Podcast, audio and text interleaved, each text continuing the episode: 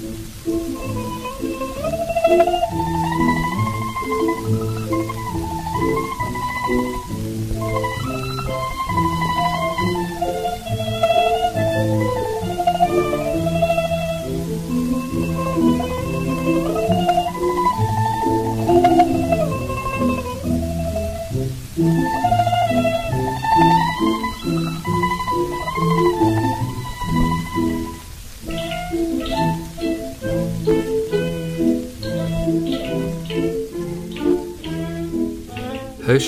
Liðið, vindur feikir laufum burt, dreifast og tínast, einmanna sitja fjöllin eftir og býða eftir vetrar tíð. Þetta harmþrungna ljóð er eftir sjókunin Sane Tomo sem er í aðalhutverki í þessum þætti í dag. Hann er síðasta eftirlifandi hennar Hojo Masako sem er hinn raunverulegi stjórnandi Japans þó svo Sane Tomo sé í lagalegum og formlegum skilningi. Ekki þjóðhöfðingin en, en svona leðtógin, þjóðhöfðingin eru þetta ennþá keisarin sem að skipaði Sane Tomo í embætti sjókunst þegar Sane Tomo var bara 12 ára gammal stundum er ég óbáslega þakklátur fyrir það að hafa ekki fæðist inn í konunglega fjölskyldu fyrir 800 til 1000 árum síðan því að hvort sem það eru í Evrópu eða Asju þá er eitthvað við þessa valdabartu sem að eitrar eiginlega öll sambönd. Í síðasta þætti þá fór ég við það hvernig Hojo Masako ásakar föðu sinn um landráð og rekur hann út í útlegð þar sem hann deyr í sínu heima héræði og hann var ekkert í mikilli fátækt eða vorsbúð þegar hann lérst en einhvað síður hann var einangraður, politíst og, var svona, já hann var í þingaður í útlegð. En við skulum aðeins fara aftur yfir þessa atbyrði stuttlega, uh, ég er búin að vera að leggja svolítið áherslu á hvernig atna, bak við töldin er oft uh, valdabarta millir kvenna sem eru giftar miklum valdamönnum þeirra sem formlega séð hafa völdin. En uh, það er svolítið interessant að skoða þessa valdabartu sem baróttu milli kvenna frekar heldur en karla. Uh, þetta er auðvitað bara tólkunaratriði en uh, fyrstum sinn eftir andlát Jóritum og fyrsta sjókunsins þá uh, sjáum við átök milli kallmanna úr híkiættinni og hótjóættinni tvær ættir sem voru nátengdar fyrsta sjókununum og eins og ég er búin að nefna áður hann Jóritum er tengdasonur hótjóættarinnar hann er tengdasonur hótjó Tokimasa en hann er fóstursonur Híkin og Ama og uppeldi sýstur hans eru giftar valdamiklum samúræum sem styðjan líka í báróttinu um sjókunadæmið og hann veluna þeim með því að uh, leifa þessum uppeldi sískinum sínum að sjá um uppeldið á erfingja sínum öðrum sjókunni Japans, honum Jóriíi Jóriíi, hann uh, hallar sér frekar upp að híkiættinni heldur en hótjóættinni þegar hann tekur við völdum. Og það fer ekki betur en svo að hótjóættin á endanum ræðist á ræðist á híkiættina og þarna drepur meðal annars eiginkonu sjókonsins og badnið hans. Og eftir það eh, fer hún Hojo Masako og fund sonar síns og segir hún um að segja af sér eða ráðlegur hún um að segja af sér og síðan er þessi eh, annar sjókun í sögu Japans eh, tekið með valdi og komið fyrir í, í hofi þar sem hann býr restina af sinni stuttuæfi í stofufangilsi. Þar er hann myrtur, myrtur af móður ætsinni og við vitum auðvitað ekki hvort að hún Hojo Masako hafi komið nálagt því morði eða hvort hún hafi jæfnvel verið reið út í föðu sinn eða einhverja aðra í fjölskyttunni í kjölfarið. Eh, við vitum það að hún var náinn eh, dæturum sínum. Það eru dætur hennar, eh, hún Sanman og, og Ohime. Þær eru líka aldar upp heima hjá henni, ólíkt honum Jóríi sem hún Masako hittir mjög sjaldan. Og svo er það síðasta batnið hennar sem er eftirlifandi, það er Sanetomo. Báða dætur hennar eru látnar, sonur hennar er látin og hún á eitt batn eftir og það er hinn 12 ára Sanetomo sem hefur verið alun upp af Hojo ættinni. En svo er það Hojo-ættin sjálf sem er ekkert sérstaklega hugulega ætt að tilera. það er nefnilega valdabarta í gangi innan Hojo ættarinnar og hún byrtist meðlannis í því að Masako, hún rekur burt föðu sinn tekur völdin úr hans höndum og gefur yngri bróður sínum. Uh, Masako hún er elsta batnið hans Tokimasa. Það er ekkert mjög langt á milliðar í raun og veru, það eru 19 ár. Tokimasa var 19 ára þegar hann eignast dóttur sína og á þessum tíum búndi er hann 65 ára og hún 46 ára. Þannig að það er ekkert eitthvað ótrúlega mikið á milliðara, svona aldurslega séð miða við svona börn og fóreldri oft á tíðum. En eh, Tokimasa Hann hafði gift sig aftur eftir að móðir Masako ljast og hann átti mun yngri börn með setni eiginkonu sinni sem nefnist Maki no Kata. Maki no Kata og Masako eru jafnaldrar og þær eru líka keppinundar. Það getur svolítið aðdeglisvert að skoða valdabortuna eh, innan hótsjóættirinnar sem baróttu millir þeirra tökja fyrir ekkar heldur um baróttu Masako við föður sinn. Því að að tekja dæmi. Árið 1204 þá er haldinn veistla í Kamakura af því að nýji sjókunin hann á að giftast og til þess að tryggja góð tengsl við keisarahyrðina þá er að sjálfsögðu fengið kona uh, sem er dóttir manns sem er hérna, nátengtur keisaranum og náskildur honum líka. Það er að vera að tryggja keisarættin og hennabandamenn haldi sér til hljés með því að sjókunin gifti sig inn í keisarættina og eh, ég ætla ekki að nefna nafn hennar eh, bara til þess að hafa, hafa þetta aðeins einfaldara en það kemur upp atvik í visslunni sem tveir uh, ungir samúræðar þeim tekst að móðka kvotn annan. Og annar þeirra er náungi sem nefnist Hatakeyama Shigeyasu og hann var sannsagt þarna sem fylgdarmaður brúðarinnar. Hann hafi verið sendur frá Kamakura til þess að fylgja þarna, þessari keisaralegu brúði til sjókansins síðan í veslunni þegar hann er búin að fylgja henni alla þessa leið þá uh, tekst hann um að móðgast út af einhverjum ummalum frá manni sem nefnist Hiraka Tomomasa eða öllöldur Minamoto no Hiraka no Tomomasa hugsa ég því að þetta meðlumur úr Minamoto ættinni. Samúræðar eru svo sem þekkti verið það að það eru auðvöld að móðga þá og er eiga ekki auðvöld með að taka móðgunum þegjandi. Og innan skamsuru alvarlegar ásakanir færðin að fljúa á millið þeirra. En þetta endar ekki með einhverju einví eða eitthvað svo leiðis þeir enda á því að draga fleiri inn í þessar deilur. Sko, e, Hiraka Tomomasa ég nefndi hann í síðasta þetta en ekki á nafn hann er tengdasonur Hojo Tokimasa. Það er að segja, hann er giftur sýstur Masako. En það sem er mikilvægt aðtriði í þessu til að hafa í huga er það að þetta er hálf sýstir hennar Masako. Þetta er sem sagt dóttir Maki no Kata sem er stjúpmóðir Masako.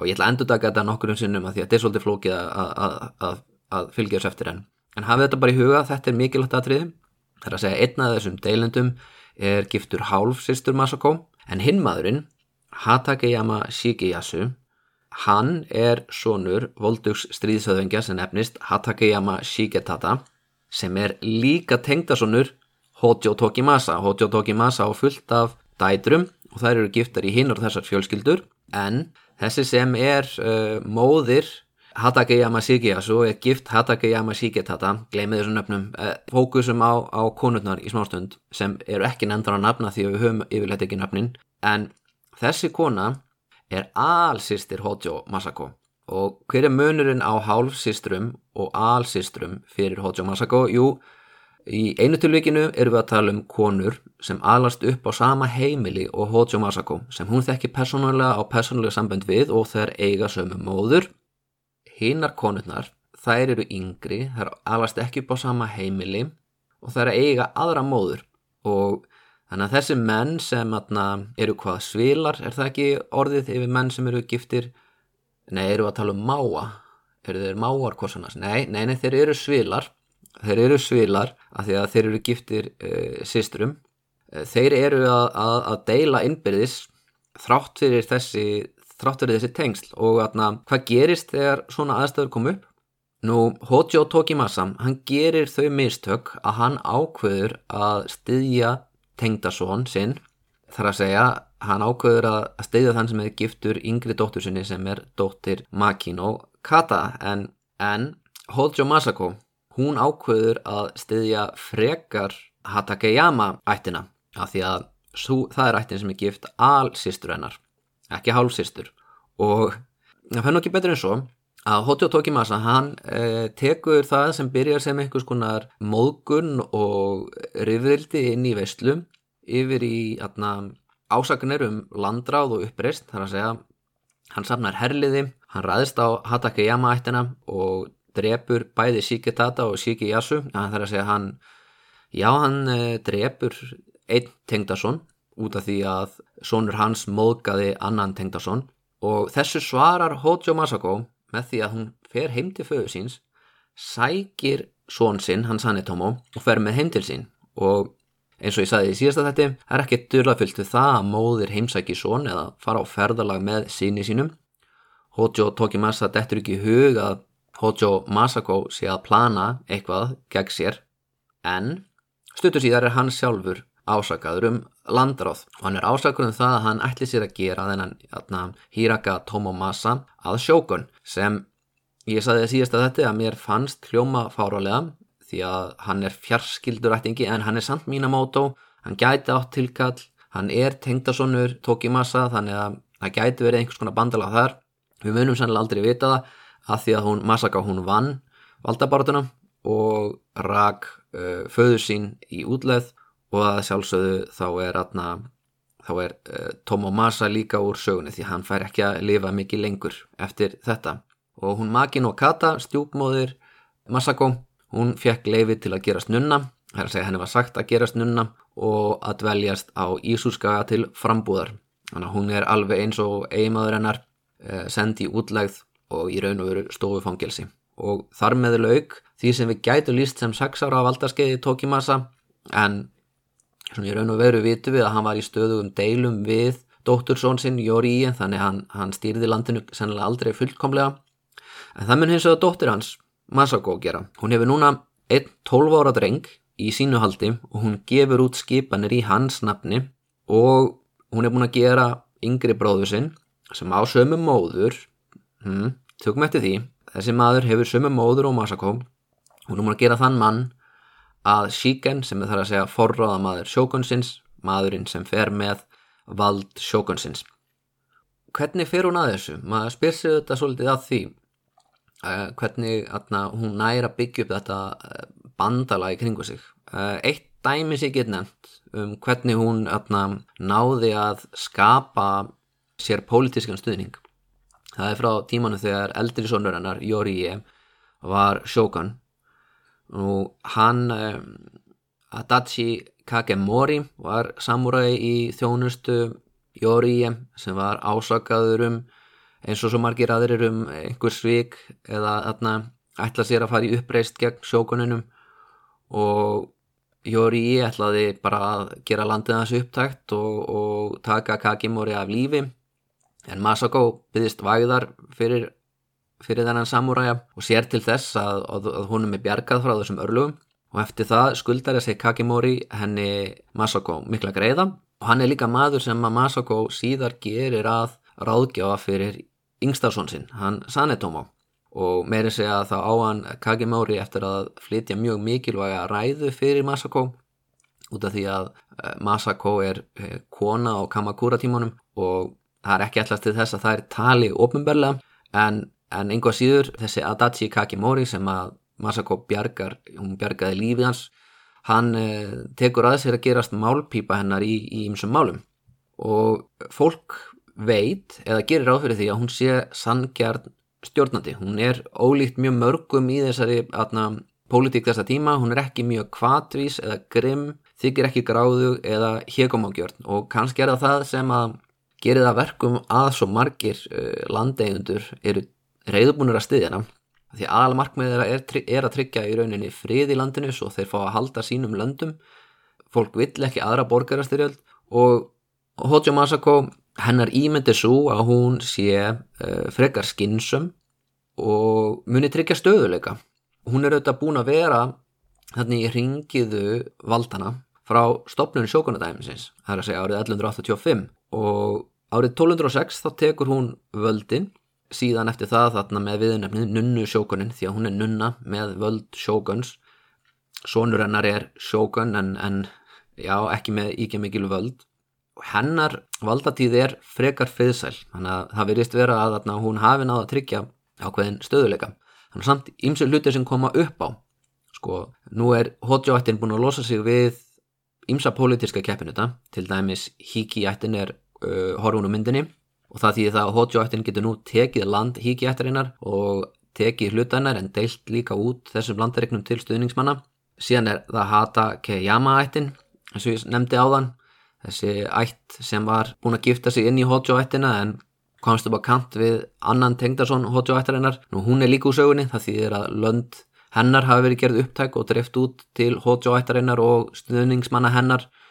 Við vitum að Kaji var ættinni frá því þar síðasta þetta, búið að þurka hann út, deil út löndum hennar til stuðningsmanna.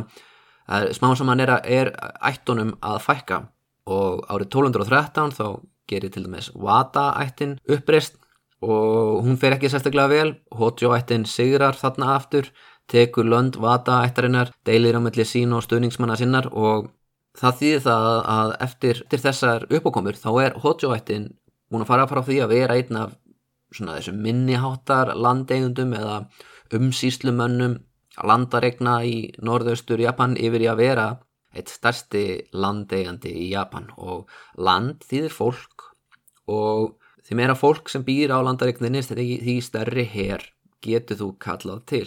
Þannig að í raun og veru þá er Hojo-ættin orðin orðin uh, mun valda meðri heldur en okkur önnur ætt.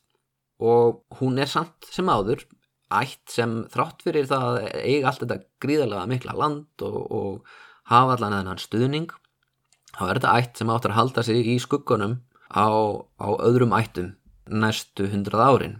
Því að hún þykir ekkert sérstaklega ætt göfu Sane Tomo, nýji sjókunin hann er kannski bara 12 ára batn og hann er kannski atna, já eins og við munum vikið okkur að síðan, hann er kannski bullandi alkoholisti en einhvað síður þá þykir hann nú ætt göfur til að gegna þessu mikla embæti.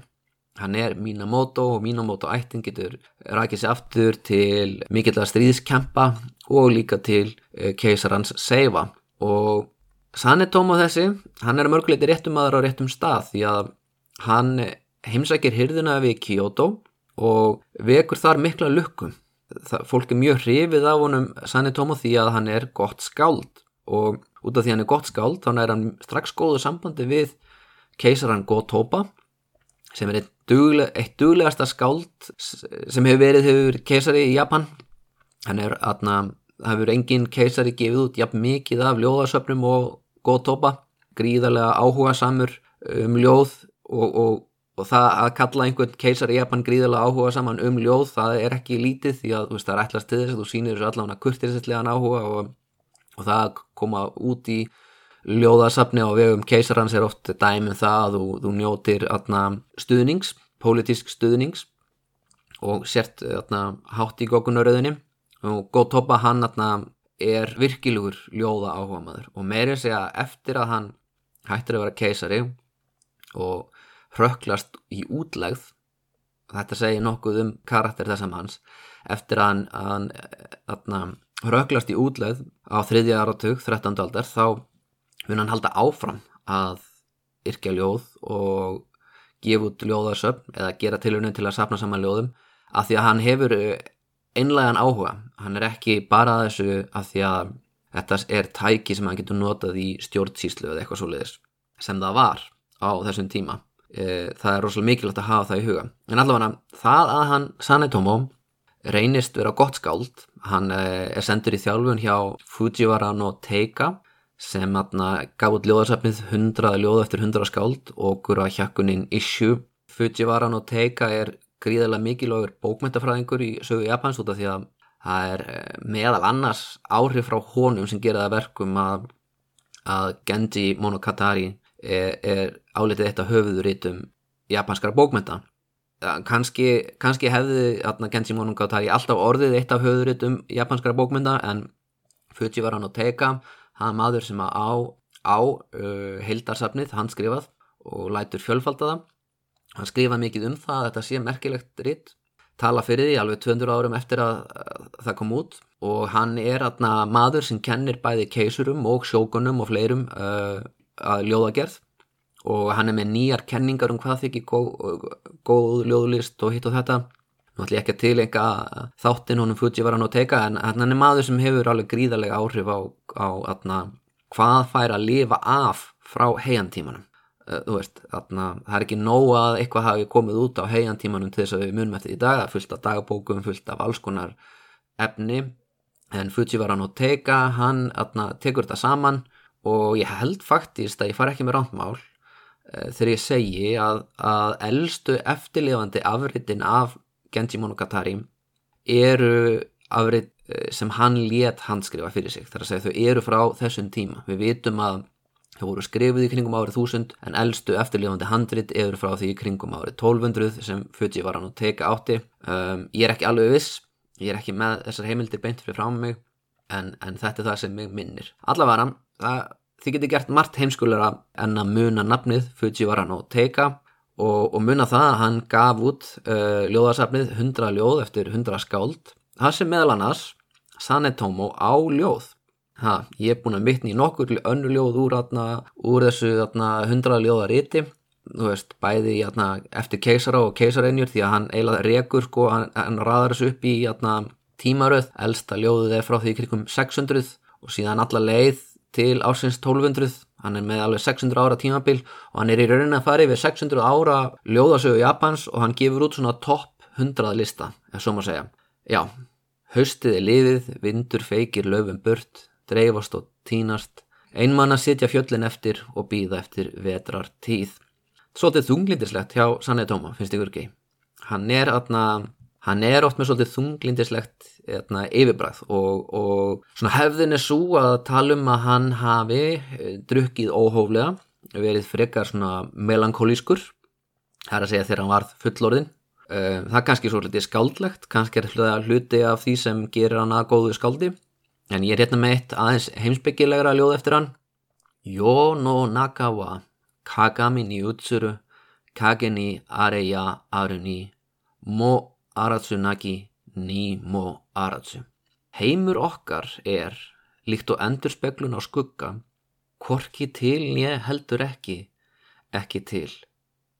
Það er svolítið djúft. Heimur okkar er líkt og endurspeglun á skugga, hvorki til nýja heldur ekki, ekki til. Já, heimurinn er ekki, ekki til, hann er til.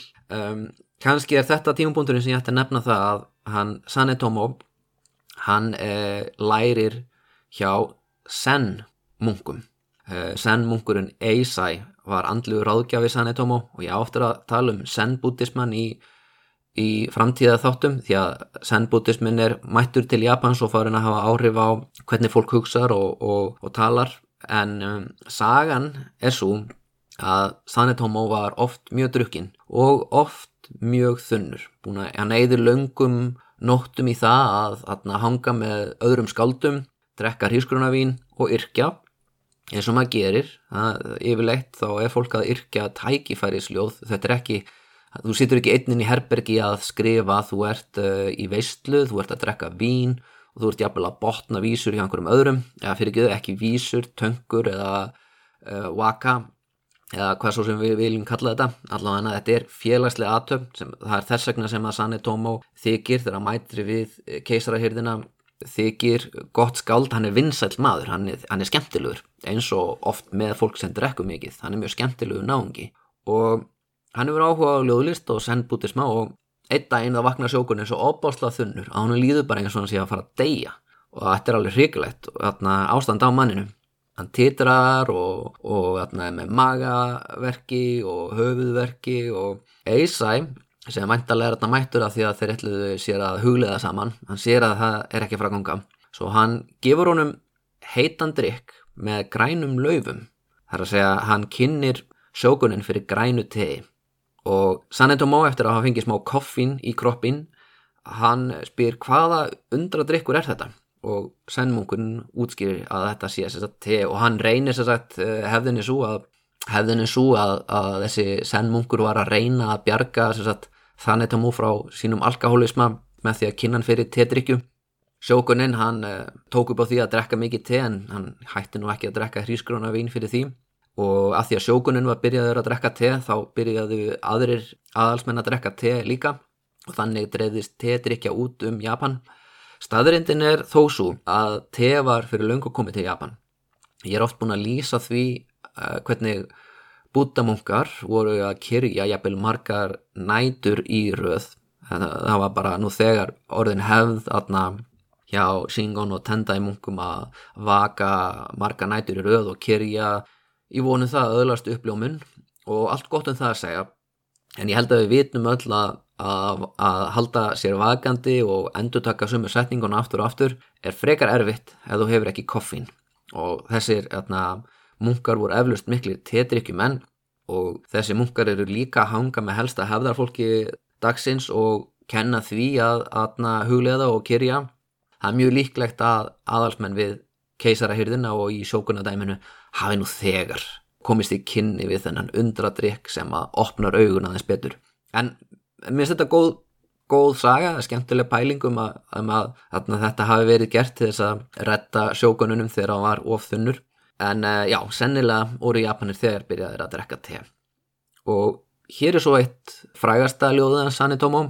Yo no nakawa tsunen imo ga mona nagisa koku ama no obune no tsuna de kanashi mo. Bara ef okkar heimur gæti verið svona ávallt. Ó, hvað þessir litlu bátar við ströndina hreyfa við mér. Já, hann er svolítið angurvær, mynduðu ekki segja það.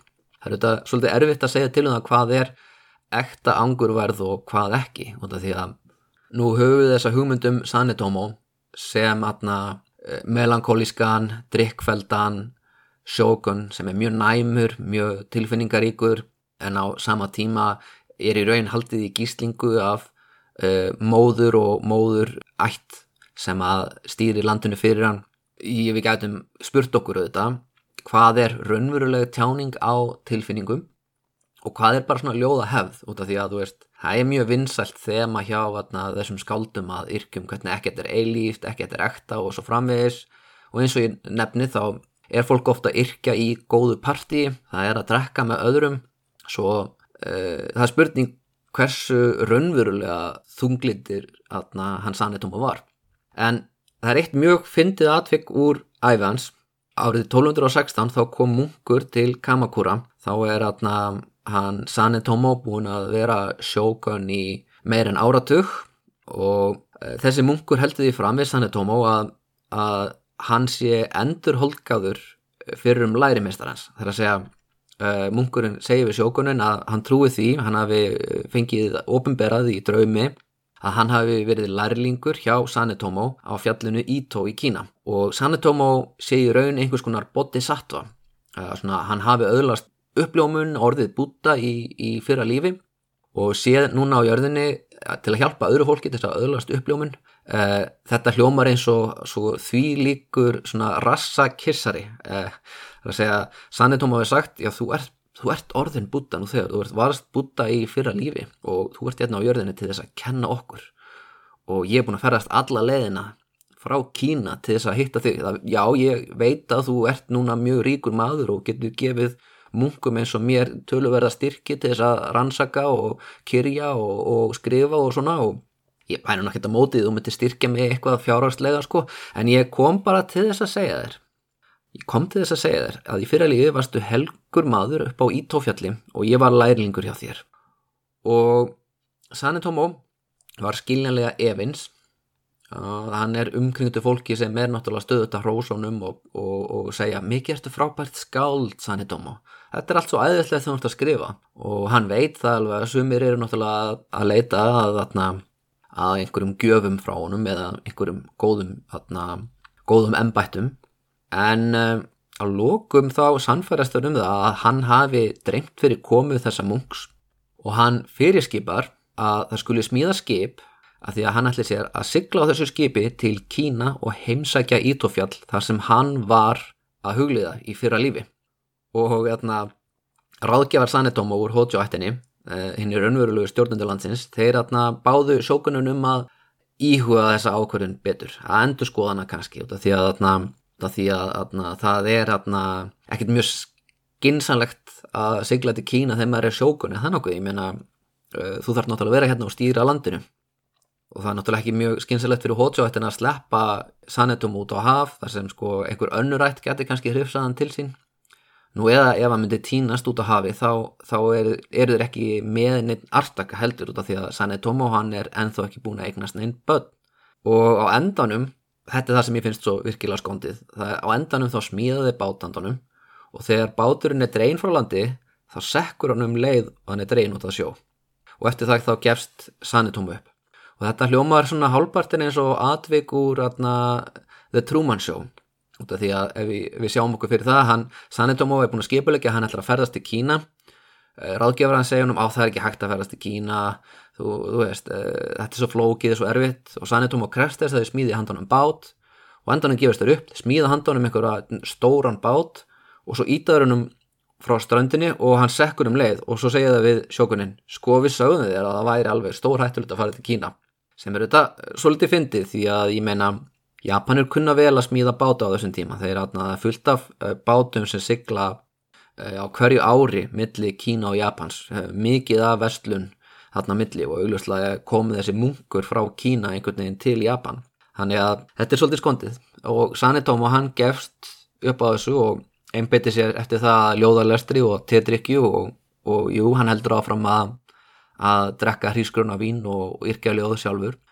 Og það var sannlega þar sem að þessir fangaverðir hann var í luxusfangelsi en það var samt fangi það var sannlega þar sem þessi fangaverðir vildu hafa hann, þeir vildu hafa hann í því að yrkja ljóð, þeir vildu endilega hann uh, færi í heimsóknir til keisarahyrðurnar reglulega og spjallaði þar við, við aðra áhrifalösa aðalsmenn og þeir voru tilbúinir í það að, að smíða hribleika báta og sínunum hversu ómögulegt að vera að komast út á haf til þess að tryggja það að Sanetómo myndi halda sér í þessu luxus hangelsi.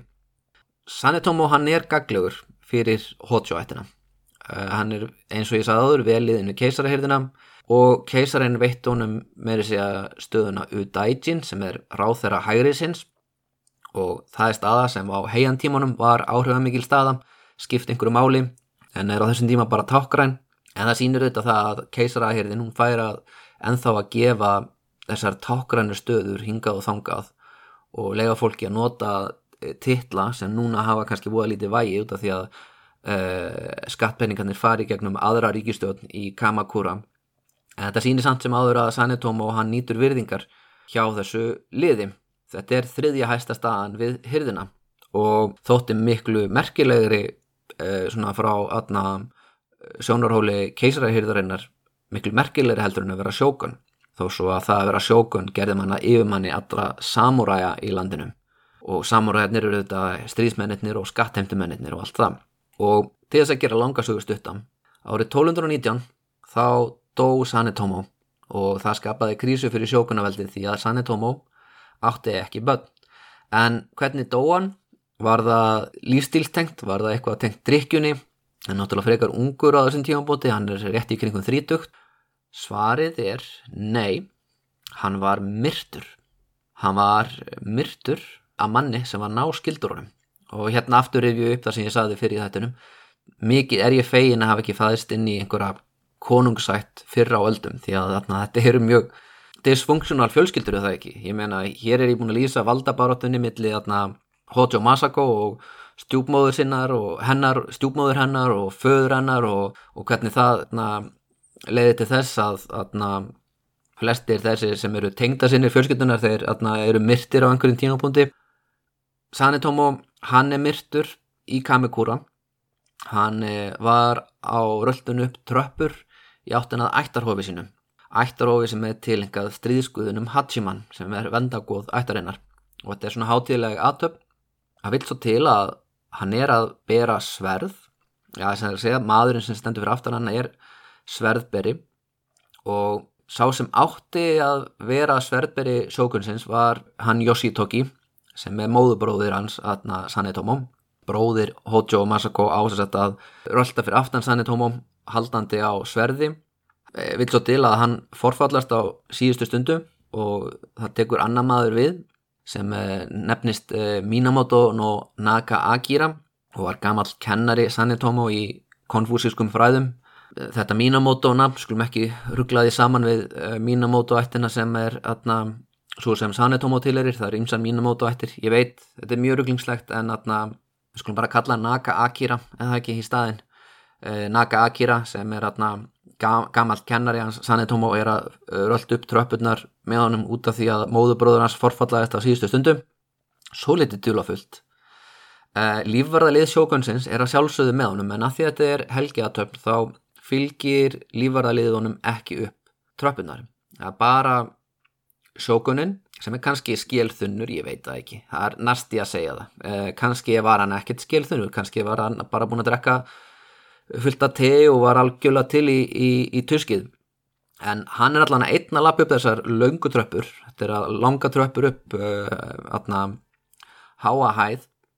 Og ég fylgd með honum með bara gamall fræðimæður, þetta er svona 60 fræðimæður og það er maðurinn sem, sem atna, ber sverðið sem á að nota í aðtöfninni en þeir eru hálnaður á leiðin upp tröppunar þegar ungur munkur byrtist allinu þessi ungi maður hann var búin að fela sig á bakvið 3 og hann stekkur í áttuna sjókununum með sverð á lofti og æpir Chichi no Teki og Utsu sem þýðir eh, ég hegg niður óvinn föðu míns. Chichi er fadir Teki eh, er í þessu tilviki óvinnur Utsu er að slá. Ég slæ óvinn föðu míns. Ef þið hafið hlustað á þáttminu sókabræðuna þá skiljiði hugafarið að baki þessum frasa. Þar að segja að þú mátt ekki leifa óvinn föðins að lifa. Þeir ber skilda til þess að hefna föðins sangkvæmt jú, allir að Naga Akira konfúsíski fræðimadurinn myndi ekki vera sammála þessari tólkun að, sem þessi munkur leggur upp með. Að hann, honum ber heilag skilda til þess að, slá óvinn föðu síns. En ég menna Sanetomo er endar á ekki marga óvinni ég menna hann, hann var nokkið múin að myrða neitt eða hvað? Eða hvað, munkurinn sem er þarnaferð nefnist Minamoto no Yoshinari. Og í þessu tilviki þá er hann skildur honum Sanetomo þetta er eh, Minamoto með stóru emmi og þessi Yoshinari er síðasti eftirlefandi sonur Yori Ie.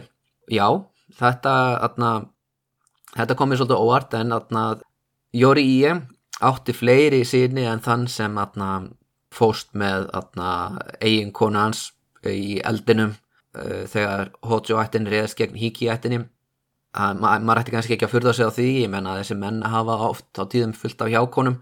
En uh, þessi drengur af því að hann var ekki í fóstri hjá Hojo ættinni eða þótti bara ekki henda í, í, í það hlutverk sem hann Sanetomo smeltpassaði hann var sendur í klöstur og látið hann gerast munkur og, og þannig var búið að losa sig við hann þar átt hann bara að vera og byggja fyrir anda föður síns. En atna, þessi Yoshinari hann var búin að vera í fóstri hjá Miura ættinni og síðan sett, settur í klaustur. Og atna, e, þetta er alveg dæmigert fyrir þennan tíma. Ég menna hann vex úr grasi og hann veit að fadur hans var einu sinni sjókun og nú er búið að drepa Jóriði og Sanetomo er orðin sjókun þannig að það er rögrett að álutta sem svo að Sanetomo hafi borið ábyrð á dauða eldri bróðu síns. Ja, Kibono en við vitum það auðvitað kæru hlustendur að Sanetomo ber ekki ábyrð á því því að hann var bara 12 ára þegar eldri bróður hans var myrtur. Það er ólíklegt ólíklegt að hann sem 12 ára drengur hafi borið hafi verið mikill e, þáttakandi í þessu valdatabli. Og Yoshinari hann heggur niður Sanetomo og síðan heggur hann niður gamla mannin sem heldur á sverðinu. Og það fylgir ekki söguna hvort að Naga Akira hafi náð að lift upp sverðinu til að verja sig en einhvern veginn efast í um það. Hann hefur sennilega aldrei á æfisinni beitt sverði í miðdæja mér. En Yoshinari trúði að öllum líkindum því að hann væri að myrða Hojo Yoshitoki sem meikar miklu meiri sens af því að Ég hugsa að Yoshinari, það getur vel við að hann hafi hatað Sanetomo en hann hefur ekki verið svo vittlaus að halda það að Sanetomo styrði ríkinu. Hann hefur haldið að hann Hojo Yoshitoki hafi verið aðna og Yoshitoki var uh, í stöðu Shiken, forráðamadur og það var raunveruleg valdastaða. En sem sagt, Yoshinari hann kastar af sér munkakleðunum, lýsir því yfir að hann sé réttmætur sjókun og kallar eftir aðstóð uh, í uppreistninni og síðan þarf hann að hlaupa eins rætt og angitur því að lífvarðaliðið er á leiðinu upp tröppunar. Að öllum líkendum þá ótt hann vona því að mýjúra ættbalkurinn sem uh, hann hafi verið í fórstur hjá myndi grípa til vopna og styðja hann gegn Hojo ættinni.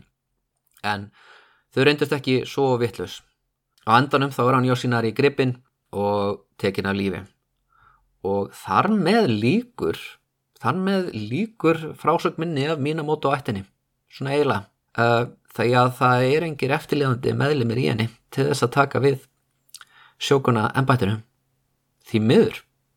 Fyrir þættunum saði frá því þegar einn af tengdasónum hans Hojo Tokimasa þessi Tomomasa var tekin af lífi. Og hún Masakova leitt svo á að hann ógnaði mögulega uh, Sanetomo að hann hefði eitthvað tilkall til sjókunambættisins þannig að hún losaði sig við hann uh, eigin maður hennar Masako, hann Yoritomo hafi verið ansið duglur við það að útrýma ættinni, hann hafði búin að láta taka báða yngri bræður sína af lífi og maður hefði nú haldið að hann væri örugur um það að mínum átta ættin myndi halda áfram, hann átti jú þarna tvo sinni sem gáttu urðu sjókunar, ekki gátu orðu sjókunar, er urðu sjókunar eftir hans dag en já við vitum það, Jóri hann er myrtur þegar hann er bara svona 24-5 og Sanne Tómo síðan myrtur á færtursaldri og er myrtur af bróður sinni sínum sem er svo tekinn að lífi. Já, eins og það heyrið þá atna, er ekki skrítið að það sé engin mín á mótu á lausu til þess að taka við sjókun ennbættinu en nú eru góður á dýr því að Hojo Masako, hún átti fjögur börn og nú eru þau öll fjögur látin. Hún er enþá á lífi og hún ætla sér að halda áfram að stýra landinu. En til þess að geta stýrt landinu þá þarf hún barn, barn af góðum ættum. Og hún bregður á þá ráð hún skrifar keisarahyrðinni og hún segir herðu okkur vantar sjókun og við erum ekki mennin að mína móta á lausu í þetta. Svo ég var heila spá hvort að við gætum fengið einhver keisaralegan prins að láni. Uh, þú veist, ég menna þið eru nú ættgöfust ættin í landinu. Þú veist, uh, hvernig væri það? Að keisarin sem á þó nokkuð marga sinni myndi bara lána okkur einn svon og við getum gert þann svon að sjókun svo hann getur stýrt landinu í nafni keisarans, hvernig hljóma það? og þegar ég segja að hann eigi að stýra landinu í nafni keisarans þá meina þetta við skulum sjá um þetta en, en en uh, hann fær að labba upp tröppur og svona og taka þátt í helgiðadöfnum og, og atna, svoleiðis. Og kannski var það ekki mjög freistandi fyrir keisarættin að segja já við því ég menna í ljósi þess að síðasti sjókunin maður sem þeim líkaði alveg ágætlega við uh, hafði nýverið verið myrtur í ofinberi aðtöfn já, það er kannski ekki mjög freistandi að, að taka við starfið hans í augnablikinu. Hann að keisarættin saði nei. Og hann góð tópa, góð vinnur Sanetomo hann segir uh, skrifar tilbaka og segir ég er eiginlega með betur hugmynd. Hvernig væri bara við stýrum landinu, er það ekki miklu einfaldra og þið heyrðu það hér fyrst keisarættin bóðar til uppreysnar versta martruð sjókunadæmisins keisarættin bóðar til uppreysnar kallar eftir öllum hlýðhóllum samáraðan til að mæta til höfuborgarinnar og berjast gegn þessum, þessum hótjó. Hverju þykjast þessir hótjó eða vera? Þeir eru ekki eins og menn eitt keisarlegt blóð í æðum og því líkur fjárhans hróki að, að ætlast til þess að ætleiða meðlum úr keisarleitin. Já, nefndi ég það ekki. Hún náttúrulega hótjó Masako, hún böðist til þess að sem, sem sagt að ætleiða svon keisarhans. En uh, við fáum að heyra hvernig það fyrir í næsta þetti. Mun hótjó ættin halda áhörma stýralandunum mun keisarinn ná aftur sínum réttmætu völdum. Í næsta þetta fer nunnusjókunin í stríð og við fáum út úr það skorið endanlega hverða er sem á að stýra Japan.